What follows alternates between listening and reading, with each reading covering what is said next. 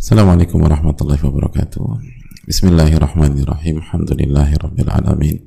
Wa bihi nasta'in ala umuri dunia wa din wa salatu wassalamu ala ashrafi anbiya'il mursalin wa ala alihi wa sahbihi wa man sara ala nahjihi bi ihsanin ila yawmidin wa ba'd.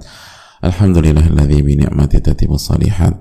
Hadirin Allah muliakan Alhamdulillah kita panjatkan puji dan syukur kita kepada Allah Subhanahu wa taala atas nikmat yang Allah berikan kepada kita sehingga kita kembali bisa berkumpul di kesempatan yang berbahagia ini yang tidak lain tidak bukan berkat taufik dan hidayah dari Allah Subhanahu wa taala sebagaimana salawat dan salam semoga senantiasa tercurahkan kepada Rasulullah alaihi salatu wassalam beserta para keluarga, para sahabat dan orang-orang yang istiqomah berjalan di bawah naungan sunnah beliau sampai hari kiamat kelak.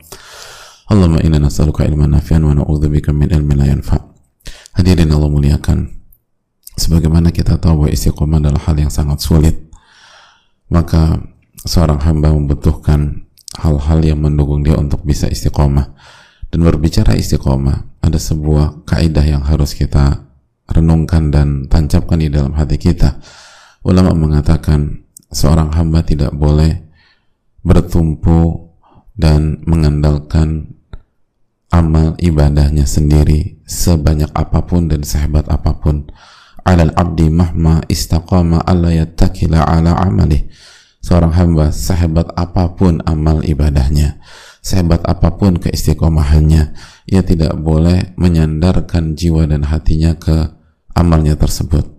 Ia tidak boleh tertipu dengan amalnya tersebut menganggap amalnya banyak menganggap amalnya luar biasa sehingga hatinya mengandalkan hal tersebut. Dan bergantung bertawakal dengan itu. Bukankah kita hanya boleh bertawakal kepada Allah Subhanahu wa taala. Dan sebanyak apa pun amal ibadah kita, kita harus merasa kecil, merasa kerdil, walayak tarbi ibadati. Jangan pernah tertipu dengan banyaknya ibadah kita. Jangan sampai kita tenggelam dalam euforia.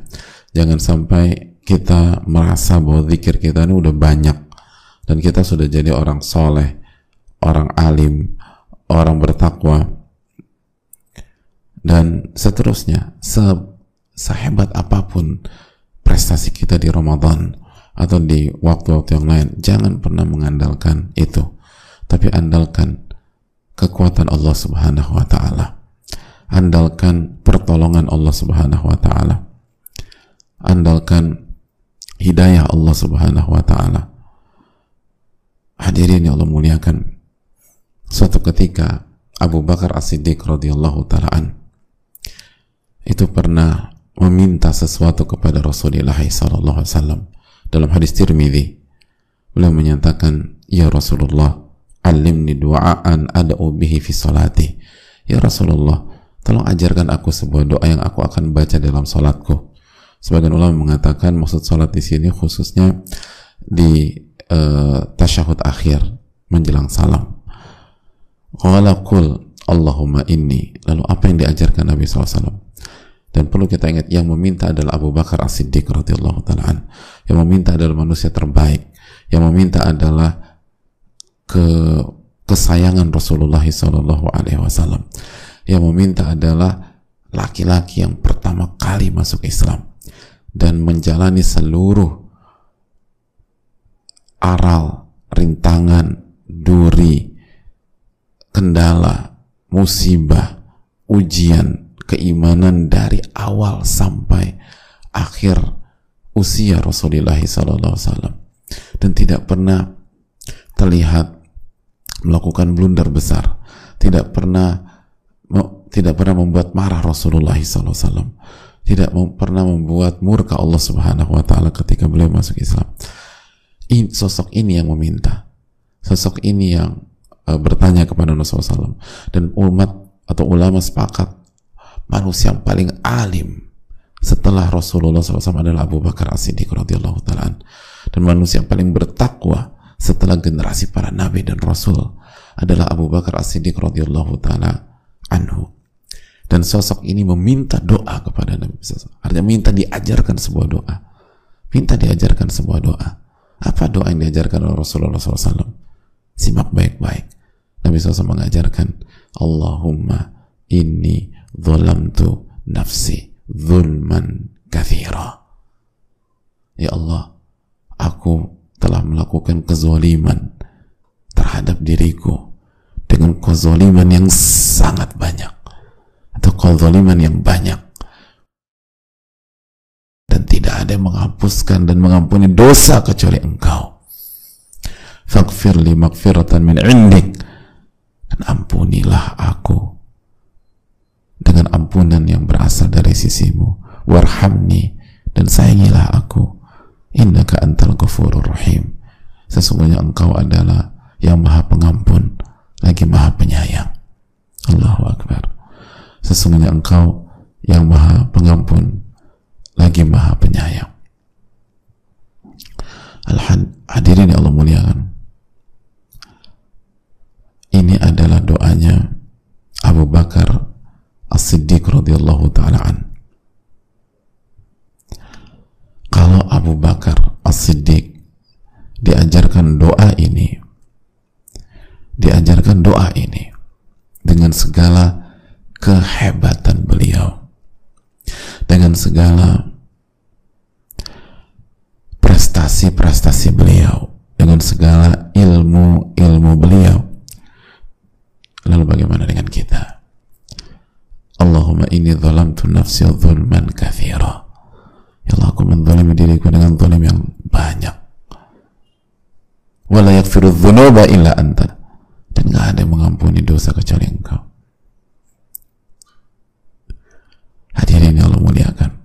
Sadarlah bahwa ternyata semakin berprestasi seseorang, semakin soleh seseorang, semakin bertakwa seseorang, semakin alim seseorang, semakin merasa nggak punya jasa, semakin merasa nggak punya prestasi, semakin merasa rendah dan kerdilnya diri ini di hadapan Ar-Rahman Ar-Rahim, Al-Ghafur, Al-Muhsin, semakin merasa diri ini tuh pendosa dan hanya seorang pendosa. Allahumma inni zalamtu nafsi zulman kathira. Bukan pameran amal yang disuguhkan. Namun, pengakuan bahwa diri ini banyak sekali melakukan kezoliman. Itu, hadirin Allah muliakan. Masih ingat ucapan orang-orang yang masuk surga?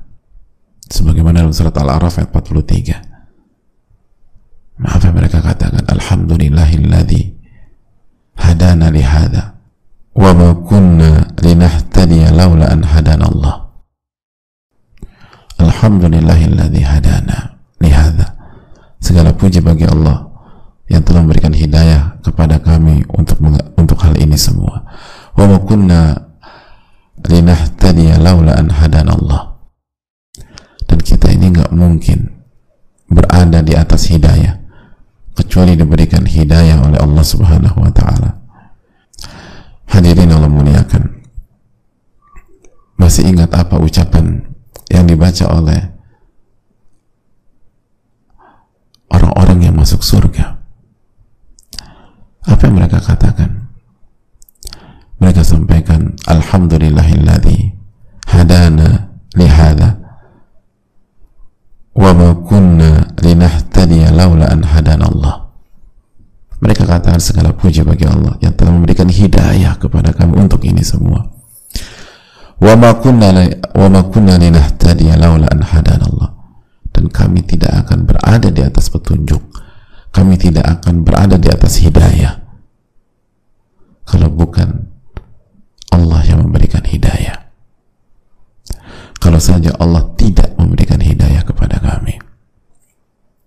Oleh karena itu kita ini bisa sholat, bisa sujud, bisa zikir, bisa istiqomah. Itu karena hidayah dari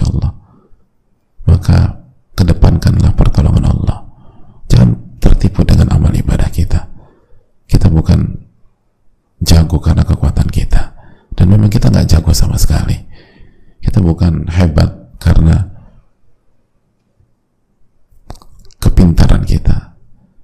Karena kita memang nggak hebat sama sekali. Dan kalau ada sebuah prestasi itu karena taufik dan hidayah dari Allah Subhanahu Wa Taala.